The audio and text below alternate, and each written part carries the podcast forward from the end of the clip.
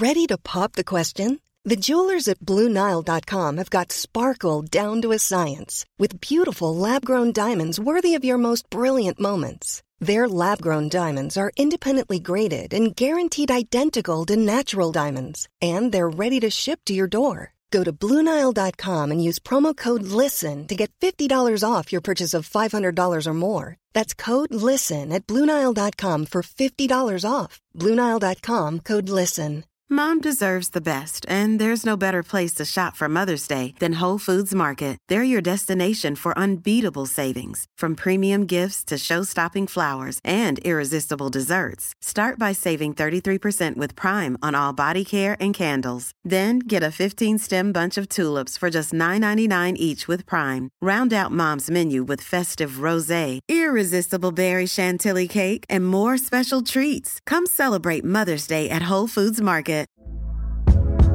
Hey there, it's Michelle Norris. I'm host of a podcast called Your Mama's Kitchen. When I travel, I'm usually looking for a way to find a taste of home when I'm not at home. And one of the things I love to do when I am at home is entertain. And Airbnb allows me to do that. When I was in California recently, I rented a house that had a great kitchen. And when we were sitting around the table, we we're all thinking, we're in someone else's house. Someone could be in all of our homes as well. If you have a home, but you're not always at home, you have an Airbnb. Your home might be worth more than you think. Find out how much at airbnb.com/slash host. Er du klar for pod, Øystein? Veldig klar for pod, og det er jo alltid så hyggelig når vi har gjester med i Scootspodden. Ja. Det liker jeg. Ja. Eh, du vet den derre strofa fra mm, Flåklypa med Solans tilfeldige bekjentskaper? Ja, Den kommer vi litt innpå nå i, i denne poden her. Sånn. ja det vet du. Ja, Nei, vi kjører på, da. Den er grei. La oss komme i gang. Du lytter nå til Scootspodden, en norsk podkast om klassisk bil med Jon Roar og Øystein.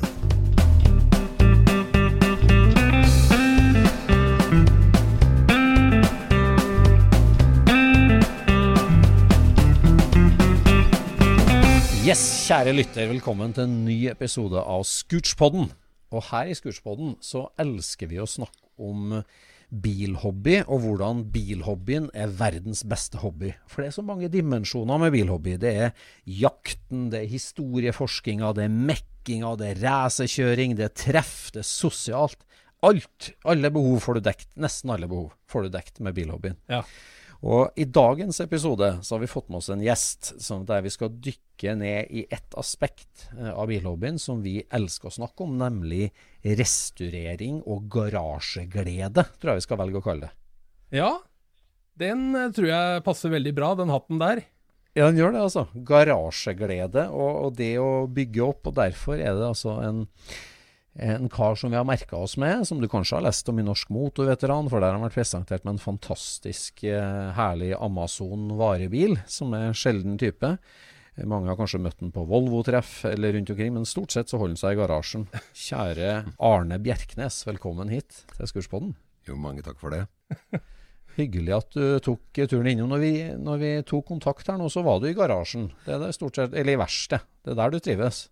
Ja, det blir ganske mange timer i løpet av uka normalt i uh, verkstedet. Det er jo noe opphold i jula og litt, grann, men ellers så blir det ganske mange timer der nede, ja. det blir det. Nå har jeg altså hatt litt juleferie nå. Ja, vi prøvde det. Å få, få prøve å være litt grann familiefar og, og bestefar også. Mm. Ja, ja, ja. Men, men det å komme seg i verkstedet, det er eh, det, er det du Det er der du koser deg? Ja. Det er betydelig bedre å være der enn å Ja. sitte foran eh, TV, ja. Ja. Nei, da er vi to. Veldig bra. Nei, for eh, mange vil jo kjenne deg som en, en Volvo-mann, men eh, du har jo flere biler i stallen nå, vet jeg. Ja da, jeg har jo Det var, begynte jo fra begynnelsen av det, med å holde på med bil. Begynte jo med Ford. Så jeg kunne Ja. like godt blitt Ford-mann. Og så etter det så hadde jeg ei boble eh, på, på begynnelsen av 80-tallet. Eh, så jeg var veldig glad i boksemotor, og ikke minst det der med å ha motoren bak. Det var jo fryktelig morsomt. Men eh, da når jeg fikk en eh, 745 eh, noen år seinere, så var jeg i grunnen solgt med både da hvordan den var å holde ved like, og, og alt sammen. Så da, da blei det Volvo som blei tingen, ja. Mm. Da havna du der, ja. Hmm. Vi får komme tilbake til det litt, tror jeg. Jeg tenker Først så må vi jo gjøre lytterne litt kjent med altså, hvem du er. Du er mm, en mann i din beste alder, på gårdbruker fra utafor Larvik. Ja, i utgangspunktet er jeg jo ikke gårdbruker. Jeg har bo, bor på en gård og har solgt den videre til Ja. dattera. Men jeg er i utgangspunktet en eh, maskinselger for salg av utstyr til eh, pakking av frukt og grønnsaker. Det har drevet et firma da fra 83 til 2002 eh, som heter Ja. Bjerknes Maskinforretning. Og så Ja. solgte jeg det videre til Felleskjøpet da i 2002 og jobba der fram til for halvannet år siden. Eh, Ja. Nå er jeg jo så, fyller 62 år, så jeg slutta i- nå i år. Så jeg slutta å jobbe da når jeg var 60, da. Så. Og begynte å gå hjemme på Jeg har slutta å jobbe, Ja. slutta å jobbe med fruktpakkemaskiner, men gikk over til å jobbe med, med Volvo Ja. og i verksted. Ja, da Ja, det, jeg da ble det, har det blitt et halvannet års tid nå med heltid på restaurering. Men før det var det jo alt av, fe, alt av kvelder og alt, ja. Mm. Ja, det var det. Herlig. Ja, men fruktpakkemaskiner, var det, drev du og konstruerte sånn, eller importerte? Eller? Jeg importerte mest, men det var jo noe som måtte eh, lages som ikke var spesielt for det norske markedet, eller eh, en spesiell tilpasning til den ene kunden. Eh, så det var jo eh, Det er jo ikke så veldig mye frukt i Norge, så frukten var ikke det store. Det var jo gulrot, potet og løk som var de store eh, kundene. Mm. Akkurat. Og så hadde de jo Larviks fineste logo på Bjerknes. Takk. Det, det mener jeg som grafisk designer, i hvert fall. Mm, mm. Oi, akkurat. Det må vi legge ut bilde av, da. Men nå er det, går det inn under Felleskjøpet, det, altså? Ja, det er solgt i 2002 til Felleskjøpet. Ja. Så det var Bjerknes Maskinforretning helt fram til 19, vel? Eh, jo, 19, ja, til og med 19. Og så ble det Grønt Maskin. Ja. Og nå er det jo Ja. flytta til Østfold. Mm. Det, er, det blir sånn. Det blir større og større enheter av allting. Det blir det, vet du. Mm. Det blir det, vet du. Men det ga jo deg muligheten til å satse på lidenskapen, da, fulltid. Ja, Det gjorde det. Ja. Men hvor, hvor, vi må jo spole litt tilbake. da. Hvor kommer bilinteressa fra? Altså, Når skjønte du at du var spesielt bilinteressert? Nei, Den mekaniske interessen har jo vært der hele tida. Jeg bodde jo da midt i Leirvik sentrum, og der starta jo mora og faren min da eh, den bedriften i 58, den som jeg overtok i 83. Eh, Jeg er født i 60, eh, og da hadde vi jo bedriften i kjelleren og verkstedet i bakgården. Eh, Så lekeplassen min var jo da verkstedet til landbruksmaskinfirma, med reparasjoner av gressklippere og traktorer, pluss eh, mye annet. Så det er jo der den mekaniske interessen kom fra, helt eh, fra jeg var bitte liten. Så, men eh, det var jo da jeg fikk sertifikat Jeg drev jo veldig mye og skrudde moped, selvfølgelig, da, da jeg var 16. Ja, det var jo saksmoped er det. Men eh, så, så var det jo da når en, eh, når en fikk sertifikat, så, så blei det jo bil. Og det gikk forholdsvis mye tid da også fram til eh, jobb og familie og ting. Tok veldig mye av tida i en periode, som veldig mange andre opplever. Mm. At det er en ungdomssak, og så blir det borte litt i midten, og så kommer det tilbake når ungene flytter ut. Mm. Ja. Ja, altså. ja, så da Ja, når var det liksom du anskaffa den første hobbybilen, da, for å si det sånn? Eh, For så vidt var de jeg fikk når jeg var 18 hobbybil først, var en eh, Ford Maverick, en amerikaner. Eh, ja, ja. en i, eh, eh, og det var jo altså i 78, og det var en 70-modell, første Mavericken. Og den var jo masse mekanisk med, men det var jo ikke lenge jeg hadde den. Så fikk jeg en eh, Ford Taunus 20M 67-modell. Aha. Og gjorde en god del menn, men eh, så kjørte jeg av veien med den. Og da tok jeg hele forestillinga eller fronten på den, så da var du inn med en 2,6 liter og eller 26 M, da. Og forhjulsstilling og gir, automatkasse og lakka den og retta den og sveisa. Så da var det jo for så vidt eh, hobby, eller bi, For det er prosjekt, i skruing fall. på bil. Ja, det var et ordentlig prosjekt. Ja. Ja. Ja. Oppe ved Barkfyllinga i Larvik tror jeg er ute i grøfta på Glata. Å, ja. Mm. Ja. Altså, Jeg skjønte du allerede da, da at på en måte mekkeglede var nesten Ja. viktigere enn kjøreglede, eller? ja, det var det. Ja. Det må jeg si. Ja. På, også på grunn, også på grunn av den tekniske interessen jeg har hatt i både yrket mitt og i barndommen. da. Så, så, så blei det jo mekking som er tingen, ja. Jeg skjønner. Da drev du i, i landbruksverkstedet til far din, da? Ja, da var det, Skudde var det det. 26. Ja. ja det, var det. Ja. ja mm, dro du med deg M-en på noe treff, på en måte? Var det så eh, Nei. Var det? Nei, den gangen så var det ikke noe treff, men det var jo på torvet, var jo på torvet da. det var, var, jo, treff, var, jo, var jo treff de fleste kvelder på torvet. det var jo sånn å Ja.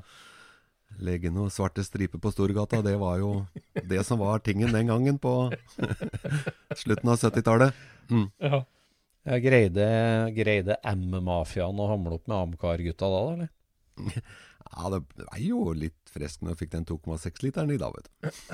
Ja, ja. Ja. Ja, ja. Men så på ett punkt da, så, så, så blir det svensk bil på deg, og da skjønner du at uh, du har en spesiell kjærlighet for det.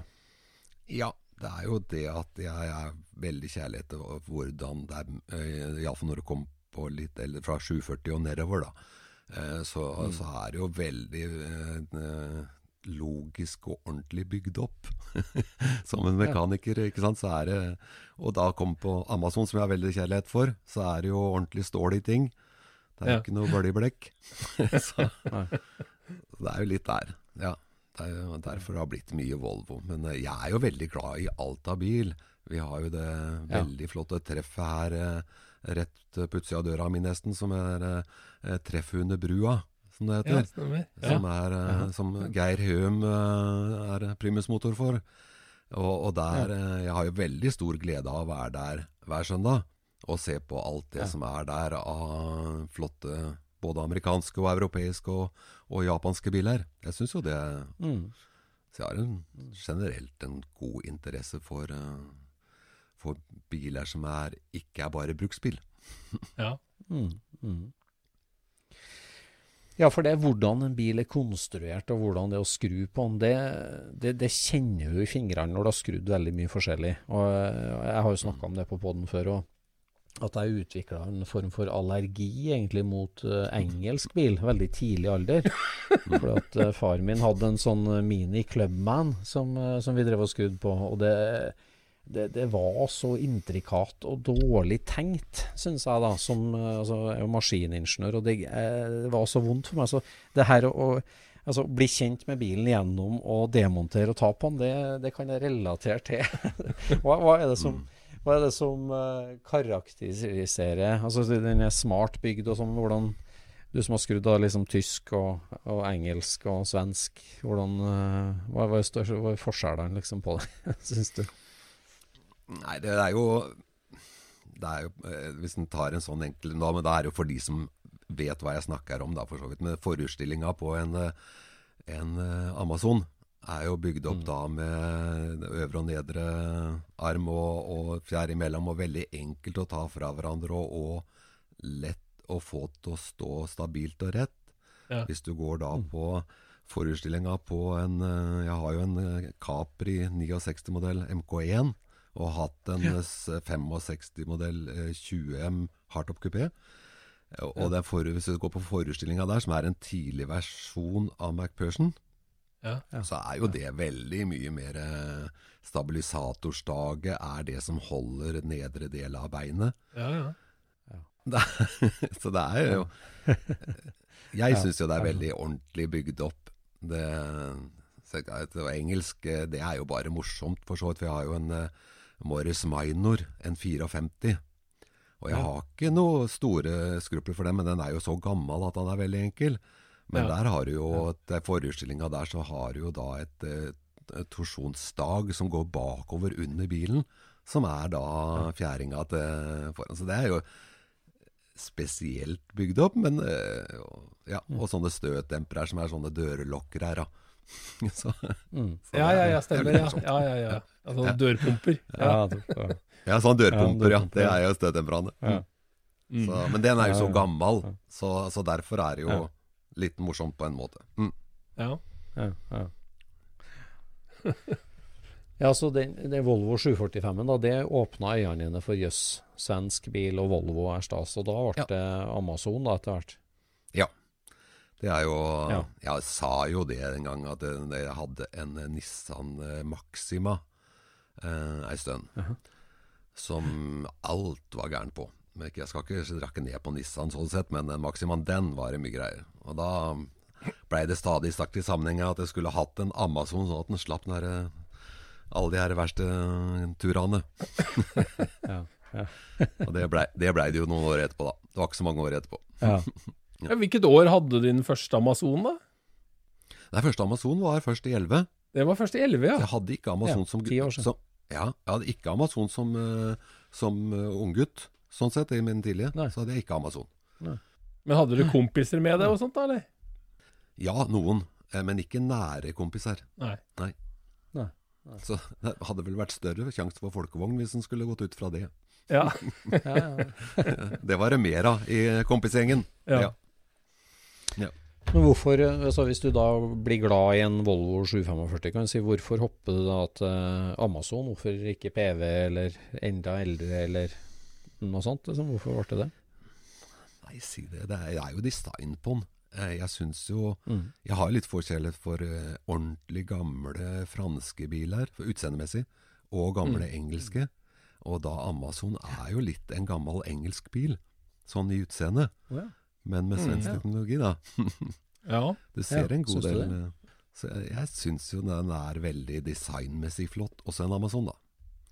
Men jeg har jo en uh, Har jo en uh, Nios uh, 59 Duett. Og det er jo Ja. for meg en designmessig noe av det fineste som finnes, da. En uh, blå og Ok. en, en blå og hvit en. Altså sånn mørkeblå med hvitt uh, rundt vinduene. Eller Ja, ja, ja, ja. beige. Ja. Det er, Og delt frontrute og gangstercaps og ekstra lys. Og det, det er noe av det fineste som fins designmessig. Hmm. Ja. Ja. så, herlig.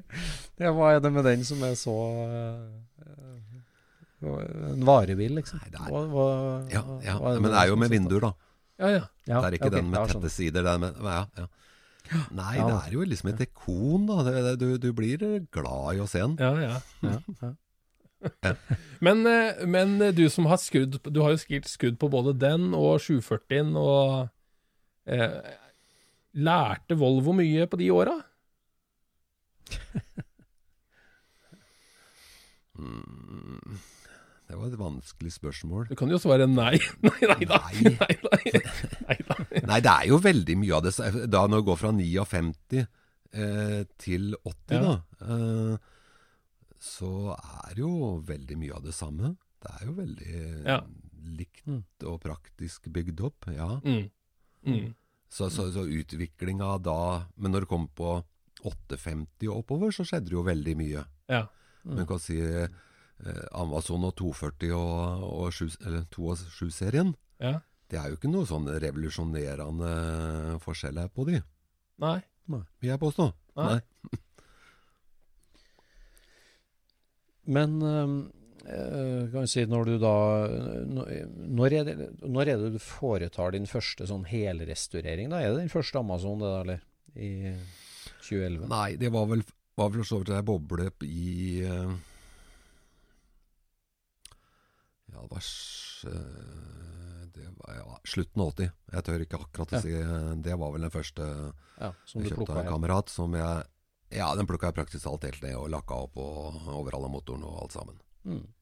Mm. Så det var vel første Men gjorde du det på, gjorde du det på Bjerknes, da, eller? Ja, det gjorde jeg i Stavern på hallen der ute. Ja.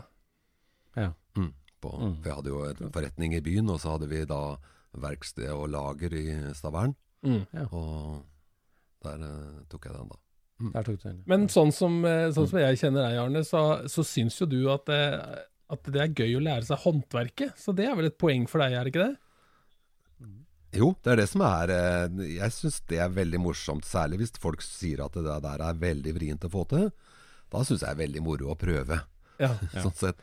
Og sånn som nå når jeg holder på med restaurering av Eller har hatt f.eks. den uh, varevogna som er restaurert nå, så har jeg gjort uh, absolutt alt unntatt å uh, sandblåskarosseri, for det hadde jeg ikke utstyr til den gangen. Det har jeg nå.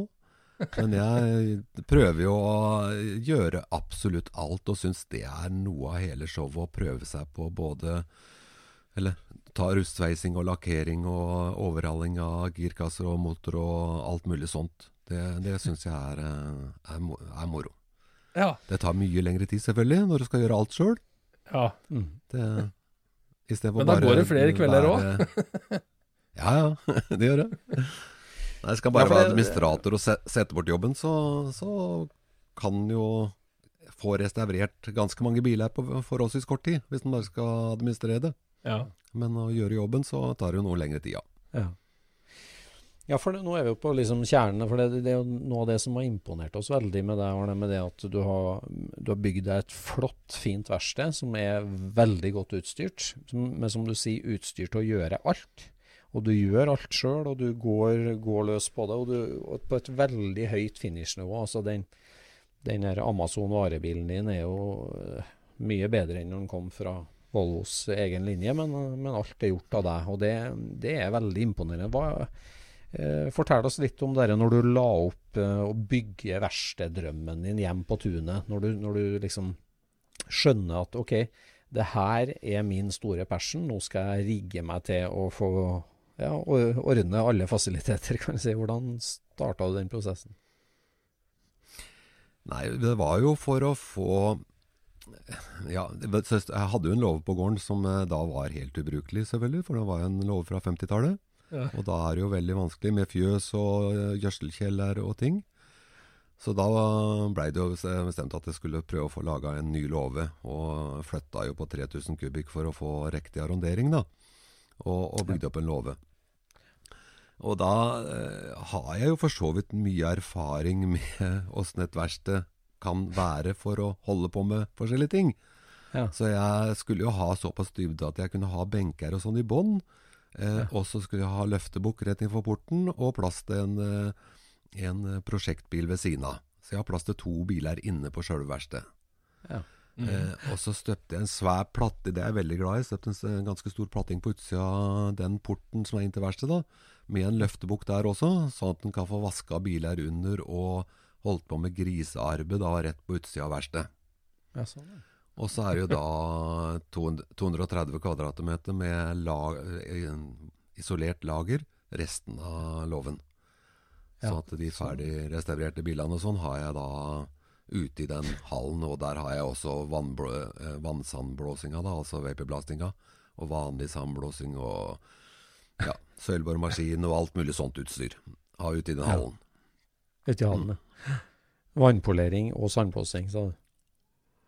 Ja, gl- glassblåsing da i kabinett, og vannblåsing i Eller vaporblasting, Ja. sånn, eller vannpolering, er det mange som kaller det. Mm.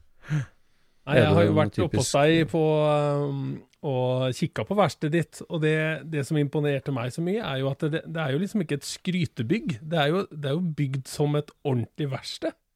Altså, det er, veldig, det er veldig fint, altså, det er veldig strøkent, men det ser ut som det ser mer ut som eh, på en biljavdeling enn det ser ut som eh, en sånn eh, bowlingpub, sånn som mange garasjer ser ut. Ja, jeg, jeg lakkerer jo inne i verkstedet. Eh, både da grunninga og syregrunninga, og, eller mest epoksy da, og alt sånt gjør jeg inne i verkstedet. Og da blir det jo seende ut deretter òg. Og sveis der og slip her og allting, så det blir ikke et utstillingslokale, nei. Det blir et verksted. Ja, det, sånn det skal være, det. Sånn det skal være det. Er du en uh, typisk tosøylemann eller firesøylemann? Siden du snakker om Tosøylemann. Tosøylemann. Det er to religioner, det. Mm. Hvordan eh, så, så da du planlegger og du tegner og tenker at nå skal jeg vie mer og mer tid til restaurasjon, som du sier, ungene har flytta ut, du kan fokusere mer på det. Hva er det Hva slags utstyr og verktøy er du mest glad i da, i ditt velutstyrte verksted? Ja, løftebukk, selvfølgelig. Eh, Ja. det, det er jo eh, Før og etter en løftebukk i et verksted er jo en Ja. milepæl. Ja, Eh, Så den er jo viktig. Mm, eh, Men for restaureringas skyld, eh, så er jeg jo veldig glad i VP-blastinga. Eh, for den kan du jo få gjort eh, restaurering av både plastikk og og da metalldeler og uh, andre metall Ikke bare jern, men alt. Så den, den, er veldig fin å kunne få ting pent. Ja. Mm. Så den er, den er viktig. Mm. Og så er det jo selvfølgelig et svært skap med hundrevis av spraybokser. Ja. Det er jo en veldig viktig del av det å restaurere. Uh, både ja. rengjøring og, og midler for å få ting til å se bra ut igjen. Ja. Mm. Så, og, ja, og så er det én ting til, og det er induksjonsvarmeren. Ja. sånn, ja den, den, hadde jeg ikke greid meg uten igjen. Nei. men, men altså, men alt det her, sånn, installerte du alt det her fra start av, eller litt sånn at når du har kommet til et nytt behov, så har du skaffa deg det og ordna det, eller? Ja, det blir jo litt sånn, men jeg, jeg kjøpte jo rimelig mye nytt når jeg bygde det, da. Så det var jo før Jon Roar begynte å jobbe på Gasoline, men det blei ble noen last derfra med ting. Det gjorde det. Ja.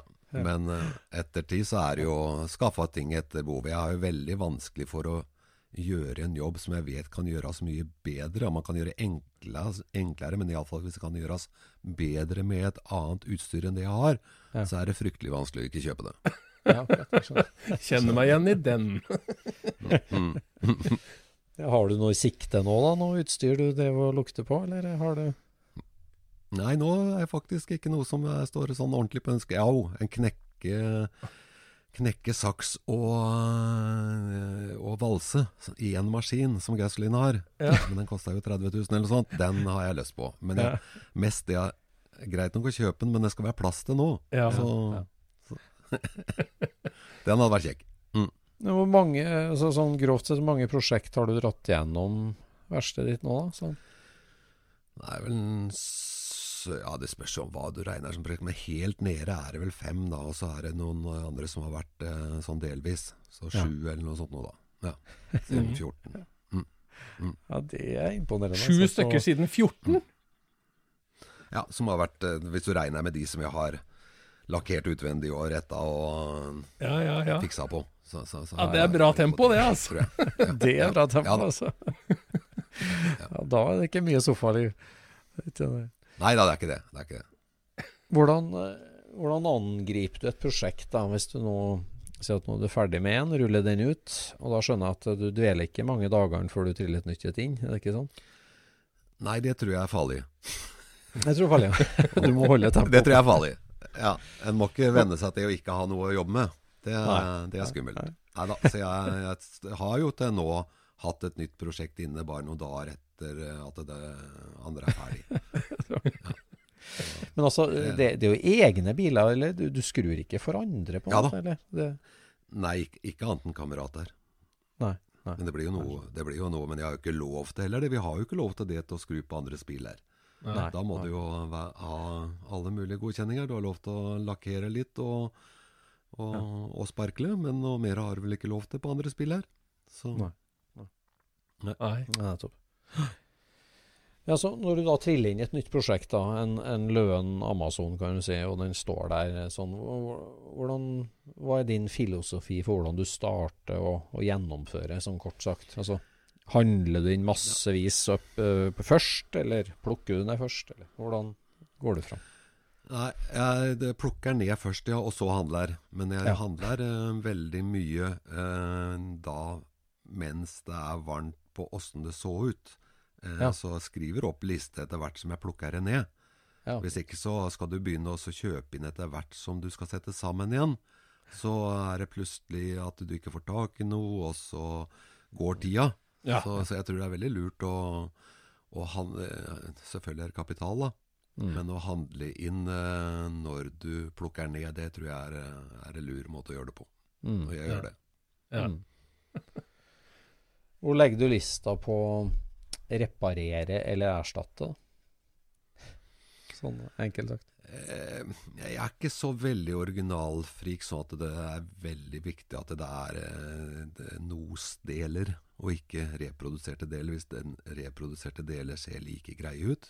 Ja. Eh, så Nei, så listverk og sånne ting. eh, syns jeg det er like greit å kjøpe nytt. For det er såpass dyrt å sende til krumming. Mm. For det gjør jeg jo ikke sjøl. Jeg har prøvd å få til, få til fram, fram til krumming, men ikke krumming. Det er for mye kjemikalier. Så, um, så, så da er det jo bedre, syns jeg det er bedre å kjøpe nytt. Og, Ja. ja. Men det er noen som, noen som absolutt alt skal være nos, da. Men eh, det, der er ikke jeg. Nei.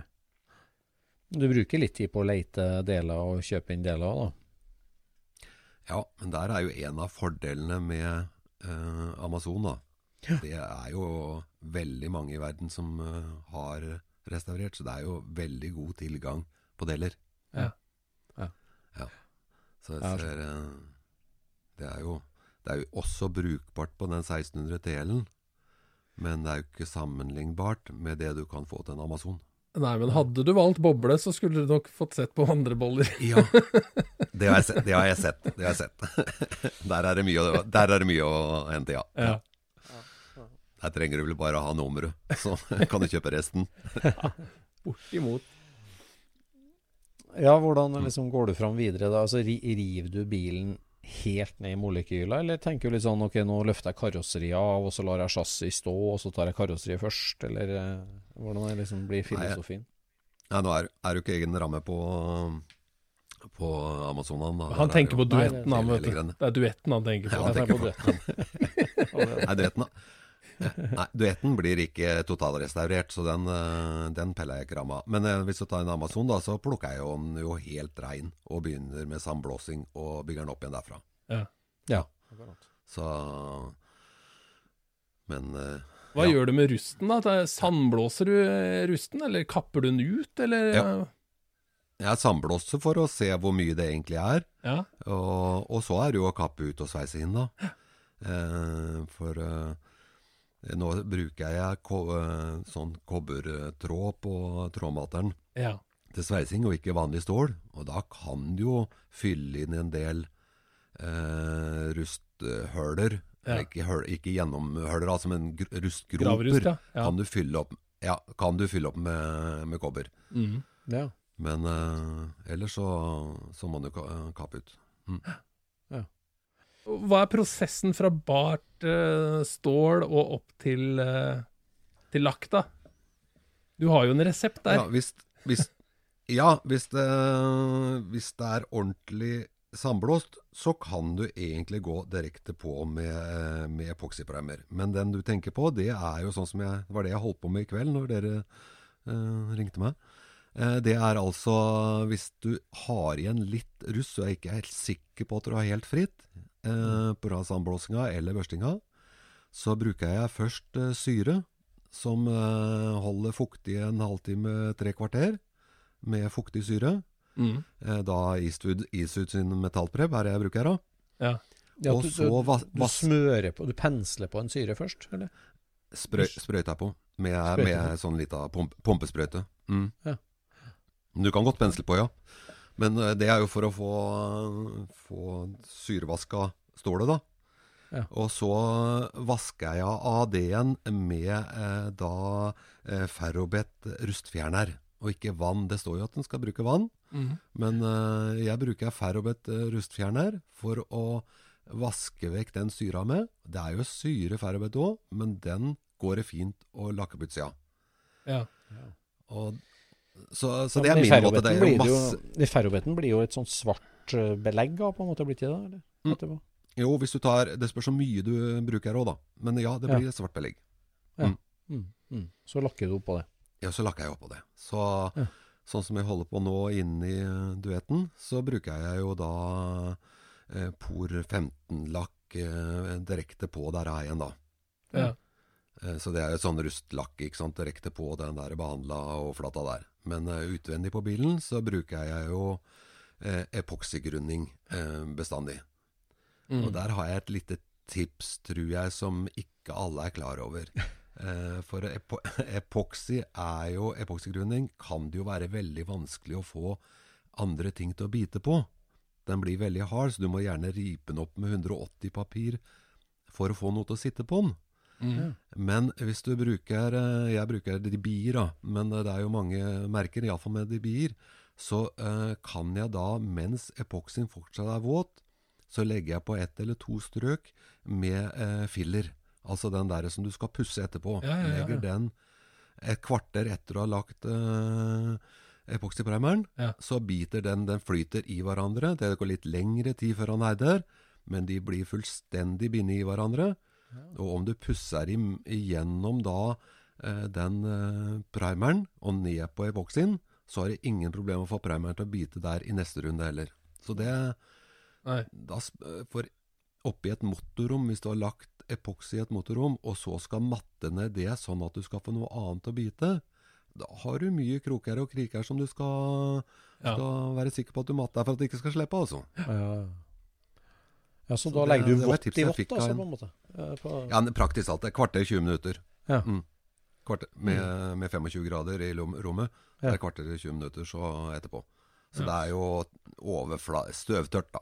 Mm. Ja. Men fortsatt uh, langt ifra for det tar jo 16 timer å herde epoksy. Mm. Yes. Så det er lenge før den er ferdig herda. Ja. Men da, da går du på å slipe der da, og sparkle? Ja. Mm. Bra. Mm. Men eh, sånn som i motorrommet, da, så, så sprøyter du eh, toppfargen rett på øh, øh, på den slipegrunninga, da. Ja, matter den jo ned med 500 papir eller en sånn pad øh, i handa. Ja. Mm. Sånn at du får matte overflata. Og så på med Jeg bruker jo ikke, ikke noe vannbasert på veteranbiler. Jeg bruker jo bare det som de kaller lastebillagt, da, eller tettfarge, som det egentlig heter. Ja, ja. Tynnebasert. Og alt det her gjør du i verkstedet ditt. Altså, har du noe sånn dusjforheng-prinsipp, da? Eller har du, hvordan gjør du Nei, når jeg, når jeg skal ta hele kar Eller gjort det nå, da, når jeg tar sjølve hovedkarosseriet, så kler jeg inn uh, mye av verkstedet med eh, sånn plast som du normalt bruker det for å maskere bilen med. Det er sånn veldig tynn, Ja. eh, statisk plast som holder på støvet.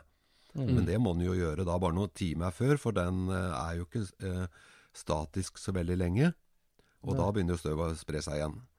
Mm. Eh, Så når det er store komponenter, så bruker jeg det ofte på den måten. Men jeg har også da et um, stort telt som er fire ganger åtte meter, så det går an å kjøre bil inn i. Mhm. Som er som et hoppeslott, på en måte. Det er ei vifte som blåser opp pølser som holder teltet oppe. Og så ei vifte som blåser luft imellom teltet. Ja. Så det er jo egentlig de første som laga det, tror jeg, er Carcoon. Ja. Ja. ja. De lager jo også sånne for å, eller har jo sånne for å lagre bilene i, men de lager også sånn for å, for å markere i. Der her er en kinesisk kopi, da, for den er jo altfor dyr, den der eh, Carcoon til hobbybruk, syns jeg. Mm. Ja. Så der, eh, den står jeg, har jeg ofte da satt opp når jeg skal begynne med dører og alt mulig sånne småplukk. For da er det jo mange, mange ganger du driver og lakker og flere strøk og ting. Og da er det veldig greit å ha den lakkboksen, da, på en Ja. måte. Og den setter du ute på betongplata di, da? Nei, den har jeg inne i verkstedet? Blåser den opp inn i verkstedet. Ja, sånn, Ja. Så det er en ordentlig opprydning for å få den inn. Mm. Ja. Akkurat gjør det. Jeg skjønner. Ja, så bra. Det er ikke noe tull. Er det, ja, det er ikke noe tull. Men er det er, altså, sånn, vi skal snakke om hvilke typer jobber er, er kjedelig og slitsom, og hva er morsomt og interessant, er det karosseriarbeid som er liksom litt, ditt hjerte nærmest? da, på en måte, eller? eller er det Mekanisk. Ja, ja jeg, sy jeg syns jo sparkling, merkelig nok, sparkling og sliping er fryktelig moro. Men det jeg prater det er, Ja. Men det er at det er egentlig litt vrient, og jeg har liksom fått det ordentlig til. For det er litt sånn Det er vel en av de håndverka som må sitte i ryggmargen for at du skal få det til, tror jeg. Mm. Det, det må liksom ha, ha gjort en del for at du skal få de riktige buene på ting og sånn. Så jeg syns jeg får det brukbart til, og da syns jeg det er ganske moro. Mm. Jeg syns jo det. Så Nei, så jeg vet ikke hva jeg syns er eh, Du blir lei av rustsveising når du holder på med et prosjekt som du har holdt på med i tre måneder og røpsveiser rust, så begynner du å bli lei. Ja. Så Tre måneder, ja. Det, det hørtes Ja, du kan fort bli bli ja. kan, kan fort bli det. ja, ja. Ja. Jeg skjønner. Ja, så da er- sier karosseri lakkert, da. Hvordan eh, altså det mekaniske, da, og eh, hjuloppheng, motor, gir. Hvordan, hvordan angriper du det? Nei, det er jo Nei, Det er jo å bytte alt av foringer og alt sånt. Så det er jo reint eh, å restaurere der. eller? Sandblås, Ja, glassblåser? Ja, Sandblåser. ja. Mm. Sandblåser og glassblåser. øh, alle, så å si alle deler. Ja. Ja. Det er, øh, når du går, går fra øh, sånn fullrestaurering, så er det vel ikke noe som egentlig ikke er gjort rent på den måten. Og det er jo en veldig fin måte å gjøre rent på i forhold til med kjemikalier. Eh, Ja. Når du skal male etterpå, eh, så, så er jo sandblåsing en veldig rask og fin måte å få det ordentlig underlag for lakk. Ja. Det er det. Det biter godt. Har du, har du syredyppa Mm. noe noen gang, eller? Nei, jeg har ikke det. Nei? Jeg Har ikke det. Så det kunne vært morsomt en gang, å få det, for da får du jo alle kroker og kriker fritt for rust. Mm. Så Men jeg er jo redd for å få en T-sild tilbake, da. Ja. Men eh, altså, gir, girboks og en motor, da, du er ikke redd for å rive det og gå helt i dybden der, eller? Nei da, det er jeg ikke. Men uh, jeg prøver å unngå det, for det er bare kostnader og arbeid. Det er ikke Ja. noe, jeg synes ikke det. Eh, å få en motor tilbake til standardmotor er jo ikke noe morsomt. Syns jeg, da. Og, nei. Det er bare arbeid. Ja, hvordan er du opptatt av originalitet sånn, da? Eller hvordan er det i Amazon-miljøet? Liksom med matching number og riktig og sånt. Hvordan er det? Det er jo noe av det, men det er ikke, det er ikke veldig. Men det er selvfølgelig noen som syns det er den mest morsomme delen av, av hobbyen. Det er å, at alt er originalt. Mm. Men eh, Amazon var jo eh, en ungdomsbil ei stund. Eh, Det blei jo 240 og 740 etter hvert, men det er jo, Volvo har jo vært veldig ungdomsbil. Mm. Så, så det er jo fortsatt en del i miljøet som hadde det som ungdomsbil. Mm. Og da er det jo fullt lovlig å ha terning i eh, speilet. Ja, jeg skjønner Det er jo Ja. ja, ja. Men det er jo mye originalt også, altså. Men det er jo ikke noe sånn spesielt eh, Det er vel verre med de som driver med A-Ford og den delen, Mm. holdt jeg på å si.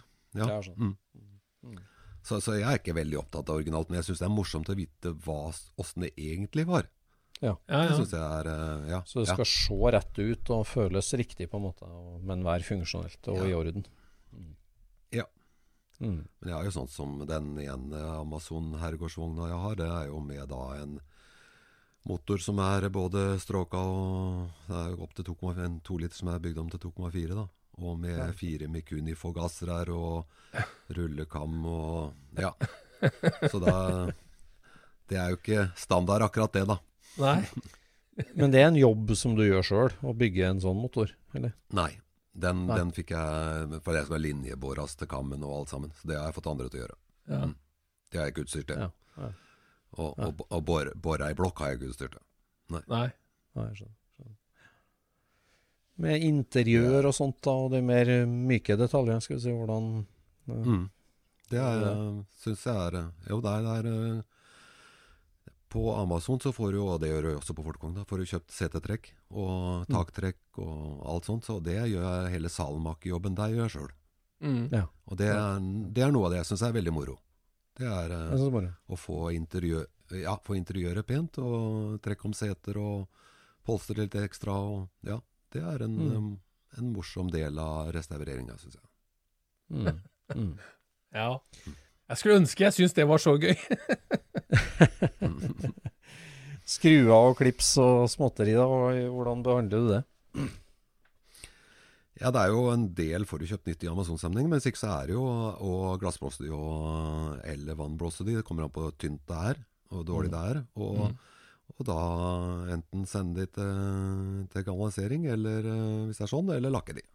Der var, var jo jeg heldig, vet du, for Arne lot meg jo låne vannpoleringsskapet sitt, sånn at jeg kunne ta alle skruene som var synlige på 1303-en, og få de helt strøkne. Dørlåser ja. alt sammen. Så sendte vi det på galvanisering etterpå. Ja. Nei, gulkromatisering var det.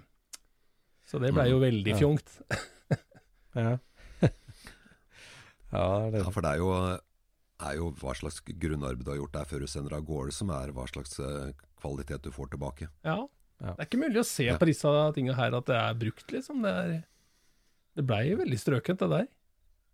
Mm. Mm. Hm. Ja, så Det er jo den vannpoleringssaken. Det er, ja. Det er du glad i, vannpoleringsskapet. ja, det er jeg veldig glad i. Det er noe jeg har bygd opp sjøl, da.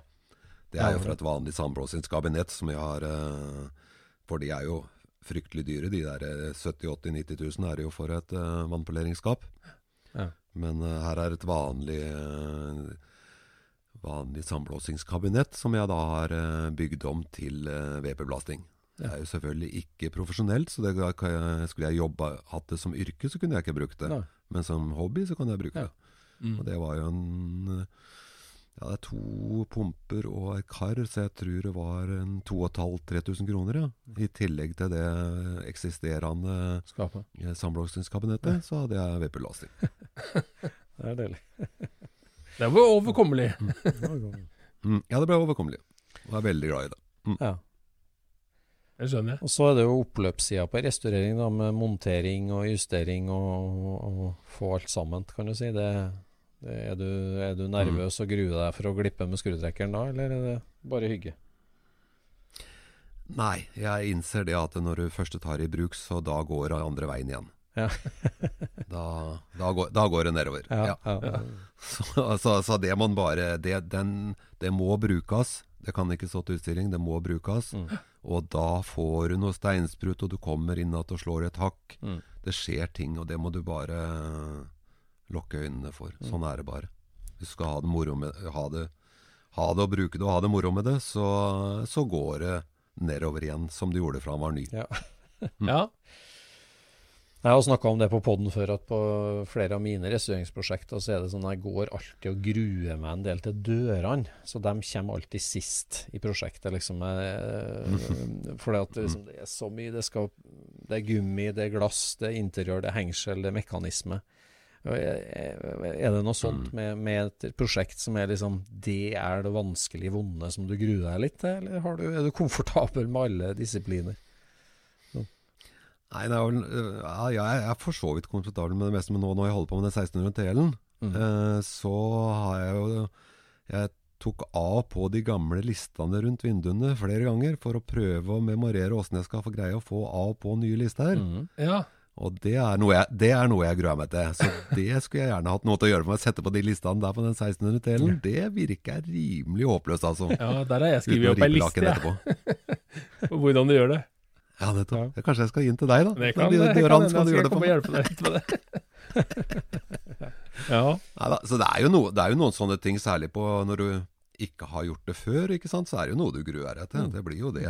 I en sånn Ja, det er jo ikke alt som er eh, Eller er spent på, er vel mer å, riktig å si enn å si at en gruer seg. Ja, altså, når du gruer deg til noe, vet du, så bruker du litt tankekraft på det, og så kommer du opp med et par-tre forskjellige måter å gjøre det på.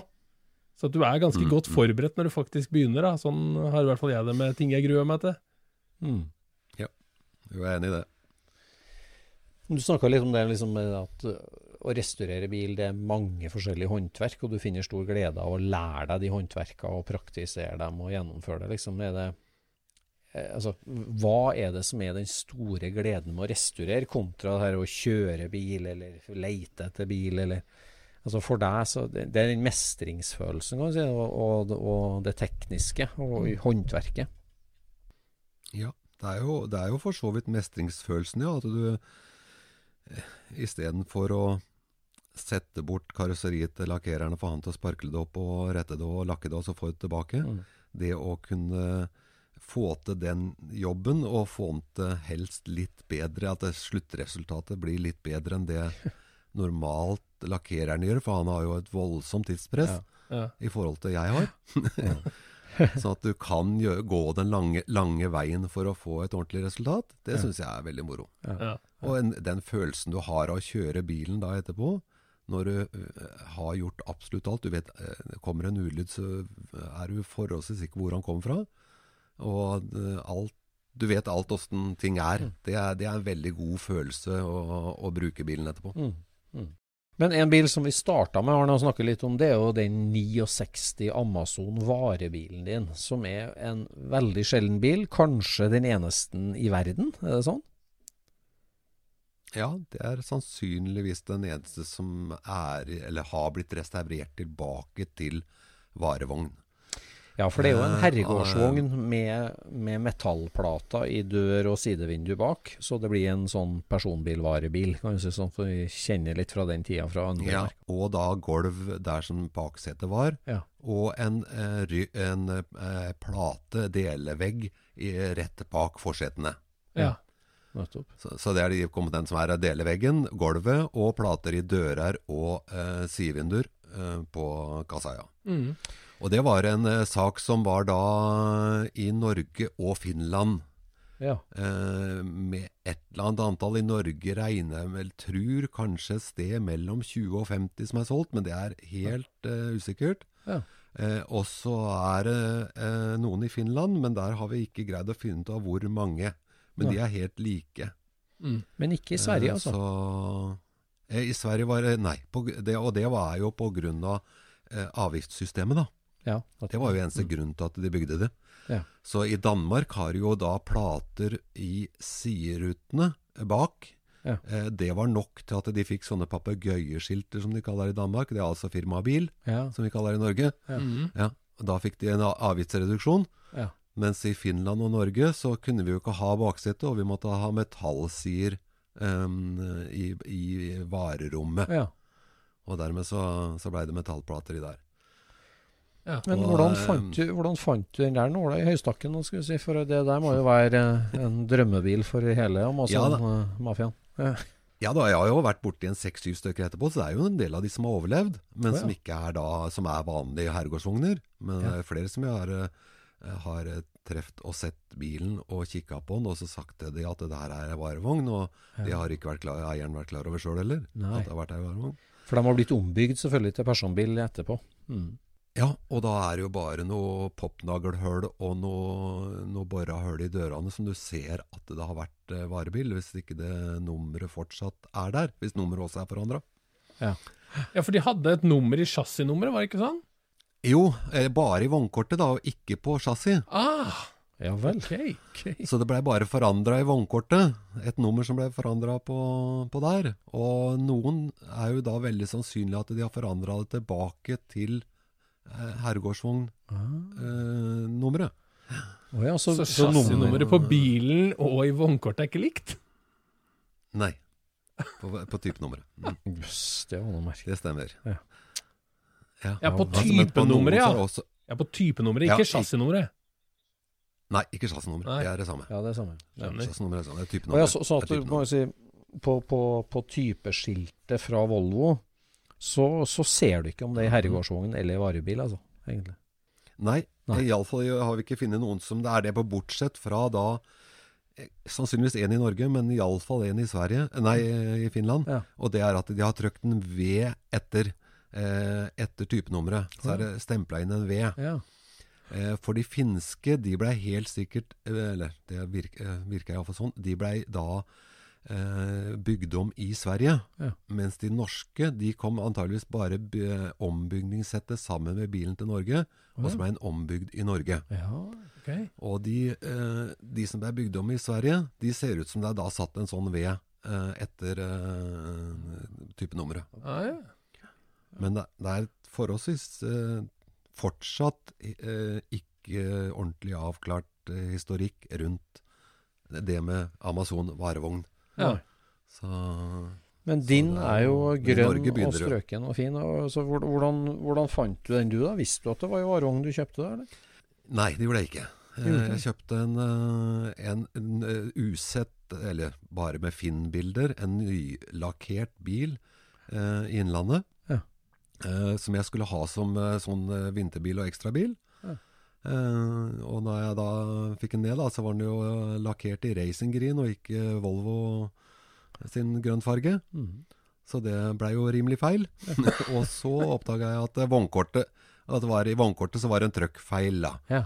Så blei det jo undersøkt litt fram og tilbake rundt, og flere mente det var en trøkkfeil. Og så fant vi flere som hadde samme trøkkfeilen, og det kunne jo ikke stemme. Nei. Så fikk vi ut av det at det var, var varevogn og ikke her, Eller hadde vært varevogn. Ja. Ja.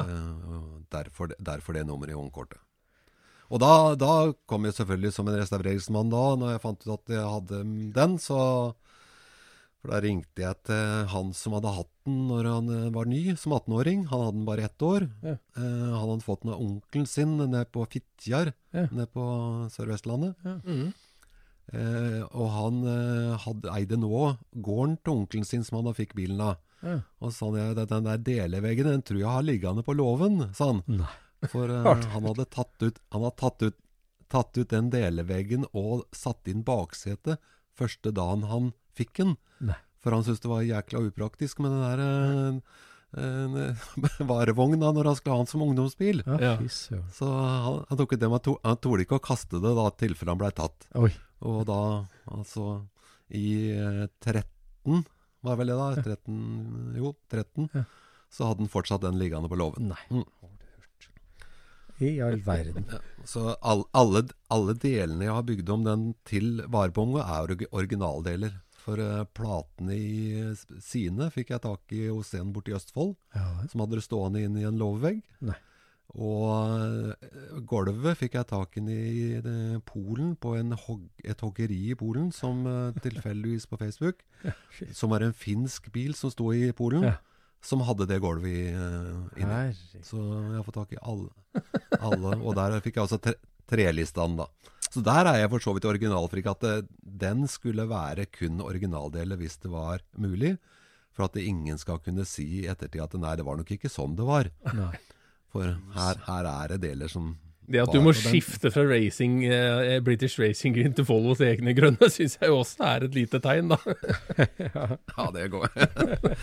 Et lite, lite tegn, tegn til galskap, mener du? Nei, jeg vet ikke, jeg, men du bryr deg nok litt mer om originalitet enn det du sier. Fy søren. Så alle de fire blekka i sidene er originaler, altså, rett og slett, som du har fått tak i? Ja. Her. Jeg har noen aluminiumslist der som står som en knekt der inni, og de er jo ikke pene, men de er originale. Ja. Mm. Så, så der er absolutt alle delene originale til en ombygning til varebil, av at det er så Ja. Sjelden sak at eh, det ville vært veldig vanskelig å lage noe når en da Eller mange ville ment at det var ikke sånn det var. Ja, ja. Det er fordelen med at originalen. Men nå når du har bana vei for den der eh, skrivefeilen, for å si det sånn, er det flere under oppbygging nå, eller? Mm. Eh, I Norge? At, eh, Nei, det er ingen, er ingen flere som har begynt på prosjektet. Det er en, en bil i Sandefjord. Ja. Den var- sto i Seljord da jeg begynte. Men jeg tror ikke noen For det er, de, det er jo veldig vanskelig å få tak i flere originaldeler. Jeg har en delvegg til, ja, du har det? eh, som jeg fikk tak i sammen, fra den finske bilen i Polen. Ja. Men eh, ellers så er det jo nesten umulig å få tak i originale ombygningsdeler lenger, da. Ja, ja. Jeg tviler på at det Fantastisk. Ja, det må være i Finland. Ja. Fantastisk artig. Så den eh, har vi jo sett, eh, eh, bilen og bilder, og det er jo fantastisk fin bil, altså. Veldig artig. Det må ja, den er virkelig fin. Har du vært på treff med den i Sverige, eller? Har du det? Eh, Nei, så har jeg ikke vært i treff. Nei, nei. Nei. Så måtte, Nei, bare i Norge. Så den var, jo, den var jo først ferdig i fjor, uh, fjor vinter. ja, Så den har jo bare hatt én sommer. akkurat. Mm. En koronasommer. Og En For det, det her må jo være eh, virkelig artig for svenske Volvo-miljøet å få med seg den her. Ja da, men de hadde jo ikke sånn, da. Nei, nei, jeg Nei, skjønner. men det men, er eh, men, men det er jo interessant. Veldig artig. Så, så dansk eh, Amazon-miljø skal jeg skrive en artikkel om nå, da. Ja. Så, som skal komme på trykk der nede. Men hvordan ble du mottatt i det norske Amazon-miljøet med den ferdig, da? Er det Ja? Jo, folk syns jo det er artig. Mm. Så at, eh, at det har oppstått en sånn igjen. Ja. Og det har jo Jeg har jo vært i Amazon-miljøet siden jeg kjøpte den, så det er jo veldig mange som er klar over at jeg har holdt på med den. Mm. Så, for jeg har jo, jeg begynte jo, Den har jo vært sånn langtidsprosjekt som har stått der. Mm. Fremme for, på rad delene. Så, Ja. Nydelig så ja. For å få, ta, få tak i deler, så har det stått lenge. Mm. Altså etter, etter eh, lang merittliste da på flere Amazoner og, og duett, som du sier, og sånt, så, så skjønner jeg du havna noe som er vårt hjerte nært, at du har gått til anskaffelse av folkevogn igjen. og du har jo vært så vidt innom det nå, Ja. at du har dratt på deg en fastback. En type 3. Ja, Ja. det har jeg. Det har jeg. For jeg veldig Jeg har jo bestandig syntes at boksmotorer er en eh, nydelig eh, gange på. Ja. Og det er jo veldig artig med motoren bak når det er litt glatt. Ja. Ja. Så, så, så jeg ville veldig gjerne hatt en, uh, ha en uh, boksermotor. Ja. Og kameraten min har som sagt ei folkevogn. Jeg kunne jo hatt ei folkevogn. Og så, men så er Porsche er jo ja, veldig kostbart. og passer vel kanskje bedre inn i folkevognmiljøet enn i Porsche-miljøet, muligens. Det skal jeg ikke påstå, men det kan muligens. Eh, og, så så da, da var det, syns jeg, en fastback eh, Kortnese. det syns jeg var en veldig pen bil. Ja. Ja. Så, så da ble det en uh, mørkegrønn uh, 69 uh, 1600 TL. Ja. Mm. Er det et eh, totalprosjekt eller som skal inn i hoppeslottet og lakkeres? Ja. ja. Akkurat. Ja, det er det. Den har vært helt ned nå og sandblåst. Ja. Og står nå ferdig eh, Hele karosseriet Den er ferdig innvendig på lakksida innvendig. Og så står den da med ferdig epoksy og filler eh, utvendig. Ja. For at all sy synking skal bli ferdig. Sånn at det Ja. ikke blir noe, synk noe som krymper etter at du har lakka den. Mm. Så den står klar til karosseriet står klar til lakking. Og alle, de, alle, alle delene er kjøpt inn da, så det er jo en palle med deler. Ja. ja, måtte du dele motoren, da, eller er bra? Eller? Jeg, jeg Eh, må det, ja. Det har jeg ikke gjort. Jeg har begynt på det. Ja. Jeg har begynt å skru eh, 1860 sånne eh, deksler. Og da kan du skjønne at det er mer moro å skru en støpejernsmotor, altså. Når du begynner på en, eh, en type 3-motor. Det er mye, det er mye Ja, deksler, men du altså. slipper å tappe, tappe frostvæska her, da, vet du. Det gjør jeg. Sparer litt tid der. Nei, altså, nei, så jeg har begynt på den. Den skal jo, den skal jo pakkes. Den går fint. Jeg fikk den til å gå fint før jeg tok den ut. Eh, bytta, eller Overhånda for gasser og bytta til elektronisk tenning og litt sånt. Eh, så nå skal den fra hverandre og pakkes om og lakkes opp alt av deksler. Ja. Det er jo Det er litt, det er eh, det er jo litt hyggelig å skru på tysk, tysk da, ikke da? Etter det svenske Jeg vet ikke helt, jeg. Nei. ja, jeg har jo skrudd folkevognmotor her før, altså, men eh, det er jo jeg, minst nå at vanlig folkevognmotor var enklere å skru på enn denne type ting. Det var Den, den, den er nok det, ja. veldig- Mm. Ja, jeg syns nok det. Det blir jo et veldig artig par da med, med de her sen 60-talls to grønne bilene. kan vi si Amazon og TL er jo to veldig typiske norske bruksbiler fra den tida. Som eh, skal bli artig å sammenligne dem litt i praksis. det. Ja. Og Capri MK1 òg, da. Ja, 69. Capri kom inn. Ja, det, for den, jeg, da. Ja. den, den har du tatt fra bånn av, eller? Nei, den eh, kjøpte jeg i Sverige. Eh, den er bare småpiksa på, for den er originalbil. Ja. Den er lakka om, Akkurat. men ellers er den helt original. Så den er, tror jeg, ganske sjeldent bra Ja. til å være original Capri. Herlig. Ja. herlig. Ja. For der er det jo veldig vanskelig å få tak i deler til dørtrekk og alt mulig sånt. Det er jo fryktelig vanskelig til en del av de, eller til Capri. Hvor lenge varte den første Er det MK1 man kaller det? Ja, av Caprien, da? Nei, men den som jeg har nå er en 69-modell. Det er første året den kom. Mm.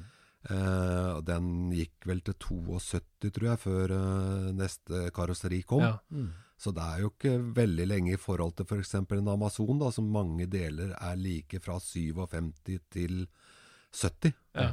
Er mange av delene går om hverandre. Men Så- den Caprien den er skudd er skrudd sammen i England, den?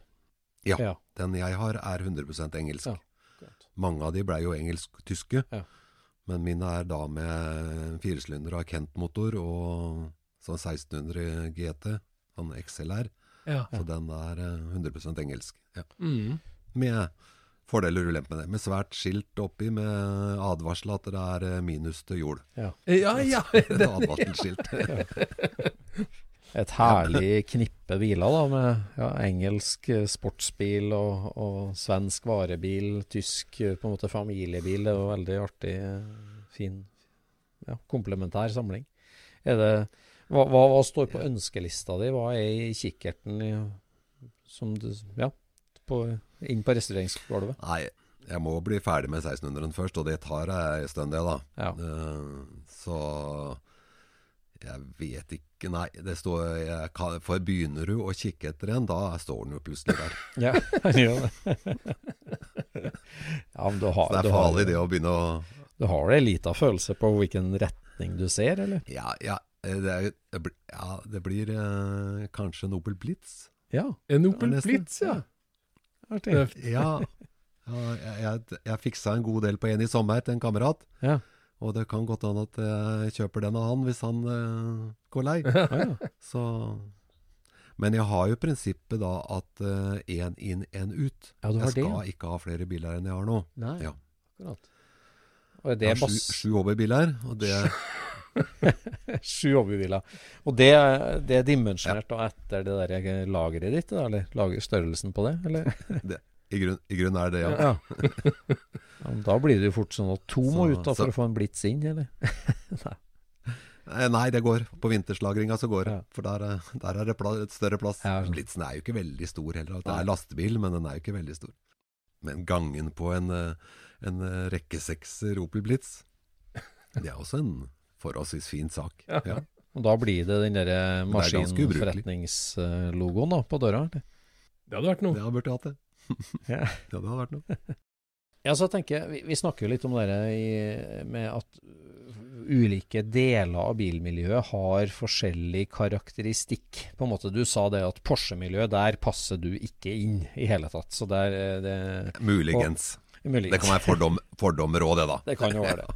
Men jeg tenker det du ikke Det som du kjenner, da, Volvo-miljøet, der har du jo, er det jo med begge beina sånn, men du har jo Ford Caprien og, og M-bakgrunnen din, Ford-miljøet. Og så har du jo lukta litt inn i både Opel og folkevogn. og hva- hvor det- Går det an å si noe om de typene persongalleriet der, eller i hobbymiljøet? Nei, jeg kjenner jo ikke annet enn Amazon-miljøet veldig godt. Det er Amazon-miljøet kjenner jeg veldig godt. Men de andre miljøene kjenner jeg jo ikke Mm. veldig godt, så det er vanskelig å si noe helt uh, konkret om det. Men jeg er jo En merker jo at eh, det er en del aldersforskjell i de forskjellige miljøene, og det er jo flott. Ja. Uh, at uh, Sånn som i Capri-miljøet, så er det jo en god del som er mer interessert i de seinere modellene av Caprien enn de første. Ja. Eh, sånn at eh, der er jo jeg, en, som er eh, så vidt over 60, en godt voksen kar Mm. eh, i Caprin-miljøet. Eh, så så det, er, eh, de er hygg, veldig hyggelige folk, men, men det er jo litt yngre folk og litt andre eh, referanser på det med bil, på en Mm. Eh, mer eh, veldig artig Mm. med banekjøring og, og sånt, føler jeg. Mm. I Amazon-miljøet har jeg jo Ja. da vært en god stund, og der har jeg, treffer jeg jo Det er såpass mange med i Amazon-miljøet òg. Det er veldig stort miljø. ikke sant? Veldig mange som har Amazon. Mm. Så der er jo alle slags mennesker, også alle slags mennesketyper, alle slags øh, jobbsammenhenger, eller yrkesbakgrunn. Mm. Eh, og Ja. der eh, trekker jeg jo ikke gjennomsnittsalderen ned heller. Eh, og da Eller, eller og, og, opp med det. Så der, der, der, er, jo, er vi veldig mange godt voksne mennesker. Ja. Det kunne godt vært flere unge, men det er jo noen unge òg. Ja. Men det er klart det begynner å bli et godt voksen folk som driver i Amazon-miljøet. Ja. Men jeg er veldig glad i Amazon-miljøet da. Det er jo Vi har et styre i Norsk Volvo Amazon-klubb Mm. eh, som gjør en unik innsats for å få landstreffa hvert år Ja. til å være en veldig hyggelig eh, seanse. Ja. Og mange andre Ja. ting også, men det er jo landstreff som virkelig er den store jobben deres. Og, og da eh, Amazon-posten, da, som et blad som kommer ut. Mm. Så, jeg- så jeg. De gjør en veldig stor innsats. Mm. Men er det, er det fokus på, på kjøring eller utstilling, eller hva, hva gjør man på et landstreff f.eks.? Det er jo mest fokus på det sosiale, egentlig. Men vi har jo da Det er jo hel helg. Og vi har jo én kjøretur uh, med Gjerne innom noen museer, eller uh, oppom noe uh, veldig svingete veier opp i et trang dal, eller noe sånt. Nå kommer det på hvor vi er i landet. For vi er jo da på Ja. Vestlandet, Østlandet, Trøndelag og Sørlandet. Veksler imellom.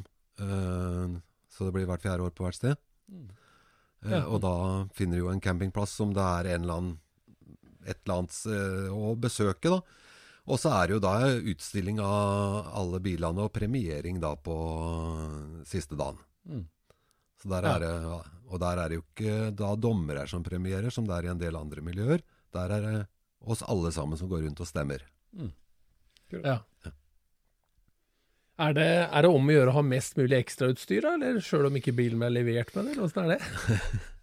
Nei, for da, det er jo et, uh, flere klasser, da. Det er originalklasse og uh, ombygd om um, Eller modifisert og ombygd. Mm. Ja, okay. uh, så, ja, så originalt, da skal jo alt være originalt. Og der er det jo ikke Ja. så veldig mange. Jeg kommer jo i den klassen med den varevogna, da, på grunn av at det der er jo sånn, sånn sett. Men der er det ikke så veldig mange.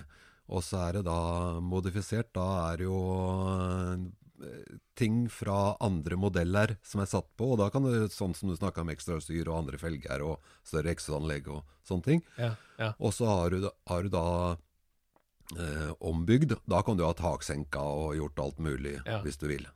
Hvem Men av disse gruppene er størst? Er det modifisert, det da, eller? Eh, ja. Ja. Ja. ja. Så er, eh, det, er, det er med andre felger. Det, skal, det er nok at du har putta 5,5 toms felger på når det er 4 tom. Så kommer du den, den kategorien av, vet du. Og det er det, ja. Ja, ja for der skal det originalt skal være, være helt original. Liksom. Finnes det noe mange av dem derre Finnes det ennå mange av dem 142 dørhåndtak og glassfiberspoiler på luka og skup på panser og laksetrapp? Ja, heldigvis er det er ikke mange, men Nei. heldigvis er det noen. Jeg Ja, det synes det. det er veldig artig. Veldig artig. At noen greier å Ja, og Ja. det er noen få, men det er dessverre ikke veldig mange. Nei. Så 145 baklys, det er ordentlig. Ja, ja. Ja, ja. ja, for Det, var det er noen som er sånn ordentlig ombygd. Det var jo noen sånne i hver enda bygd omtrent i Norge, så det var en Ja, det viktig var det. del av norsk kulturarv det der. Men de ble vel herja i stykker og rusta opp, da, dessverre. Så Ja. Men sånn 80-tallsduk, som en kaller det, det er jo, Ja. det er jo en del av, det er jo en del av historikken rundt det med Amazon. Absolutt. Det er det. Så, ja, Kjøre uten fanger. Ja, ja. Veldig artig. Og sånn leppe ned og ja. Ja. Mm. Åssen er det i Ford-miljøet? Hvis, hvis det hadde vært sånne inndelinger i Ford-miljøet, hvor hadde flesteparten havna der? Ja, der er det jo Der er det også to, Det er ikke så godt kjent, da. Men i, eh, i Capri så er det også to klasser der. På, på original og ikke-original. Ja. Ja, det er det. Så Men eh, Nei, jeg, jeg er ikke godt nok kjent. Jeg er jo Nei. mye bedre til Jeg er jo utgangspunktet en Volvo-mann, da. Som Ja, du ja, ja. begynte med. Så, jeg har ikke Så du parkerer bare eh, din, eh, din Capri blant de andre originale 69 bortover? Ja, gjør det. Nå var siste årstreff, så det tok jeg For der, kan, der melder du på om du skal ha bedømming eller ikke, og de er av dommer her. Nå sist så tok jeg ikke det heller. Jeg var der for å se på andre, jeg, og ikke, Ja. ikke få min bedømt. Ja. På Gol. Så eh, Ja, nå sist var det på, eh, på Nordsjø. Å ja. Eh, Ja, Ja. Så, men neste år er det på Gol. stemmer. Mm. Men eh, første gangen jeg møtte deg, Arne, hva var det du hadde på hengeren da? Da hadde jeg den herregårdsvogna med fire. Og det, Ja, stemmer det. Ja. Det var mørke, mørkeblå Mørkeblå herregård, det er 69 herregårdsvogn. Mm. Ja. Amazon. Mm. For da stoppa jo jeg på Texburger etter å ha vært på eh, Classic Car Show i eh, 2017. Mm. Og da stoppa Mm. det en, en Volvo bak meg med, med Amazon på hengeren. På Texburger. Mm. Ja. Som er veldig vanskelig å kjøre forbi hvis den første kjører ut. Ja, det er akkurat det. det er veldig vanskelig. og da kom vi, da kom vi i prat i, i køen der, vi, og så fant vi ut at vi, vi bor ikke langt fra hverandre. Det stemmer det. stemmer det. Så, da hadde jeg hatt den på, på, på, inne på utstillinga. Du hadde jo vært inne med, med bussen, vel? ja, SS-bussen Ja. Mm. Ja, ja, ja. Så nei, det var, det var artig. Det var en eh, veldig hyggelig bekjentskap. For det er, det er ikke mange jeg kjenner som restaurerer bil på den måten som du gjør, Arne. Det er, eh, det er veldig artig å se. Altså, du er veldig hands on Veldig og har eh, tips og råd og vink, liksom. Det, det setter vi pris på. ja takk. Ja, veldig takk for at du de, har delt det med lytterne og sånn. Og så er det noe med liksom Altså, Hvis du går til en butikk og vil ha et råd om et eller annet, så vil de alltid selge deg det de, det de sjøl selv, Men du har jo prøvd så mye og vært borti så mye at du, du har hands on erfaring på det på så brei basis. Og det er veldig hyggelig altså, at du kan dele med oss og lytterne. Ja. Jeg syns jo det er veldig moro når noen kommer, og, kommer til meg og spør om ting også, og vi har litt småkurs på et eller annet. Så syns jeg det, det er jo noe av hobbyen, det òg, å kunne ha kontakt med folk og dele, dele ting. Ja, ja, ja, absolutt. Ja. Og så gleder vi oss så veldig da, til du kommer på, i august på Gardermoen. Så har vi jo et svært folkehåndtreff, så der gleder vi oss til Grønn TL kommer på besøk. Mm -hmm. Spørs om han kommer der til høsten, vi får se. Ja, jeg må, jeg må flere år, vet du. Ja. ja jeg kommer iallfall opp der men når jeg er ferdig med den. Ja, det det gjør må jeg. gjøre. Det gleder vi oss til. Det må du gjøre. Mm, mm. Ja, da sier, tror jeg vi sier tusen takk, ja, så skal du få ut og fortsette på vått i vått uh, slipgrunning på det du holdt på med. Jo, takk. så var det veldig hyggelig at du ville dele erfaringer og tanker med Scootspod-lytterne og med oss. Jo, mange takk for at jeg, dere ville høre på meg. Ja, det vil jeg absolutt. Så, takk, takk for besøket. Ja, takk og takk. Scootspodden produseres av SSC Media, med god hjelp av VV Norge og Trond Dahl for hosting, Knut Micaelsen for musikk. Abonner på Scootspod via podcaster eller Acast, og følg Scootspod på Instagram og se det vi snakker om. Der kan du også komme med kommentarer og innspill, og fortelle oss hva du vil høre om.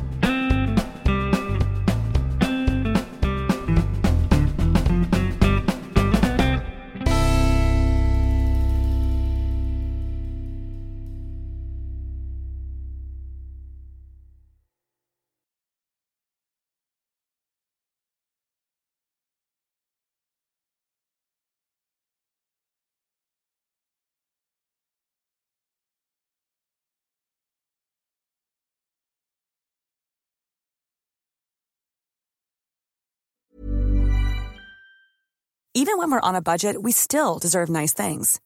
Quince is a place to scoop up stunning high-end goods for 50 to 80% less than similar brands. They have buttery soft cashmere sweaters starting at $50, luxurious Italian leather bags, and so much more.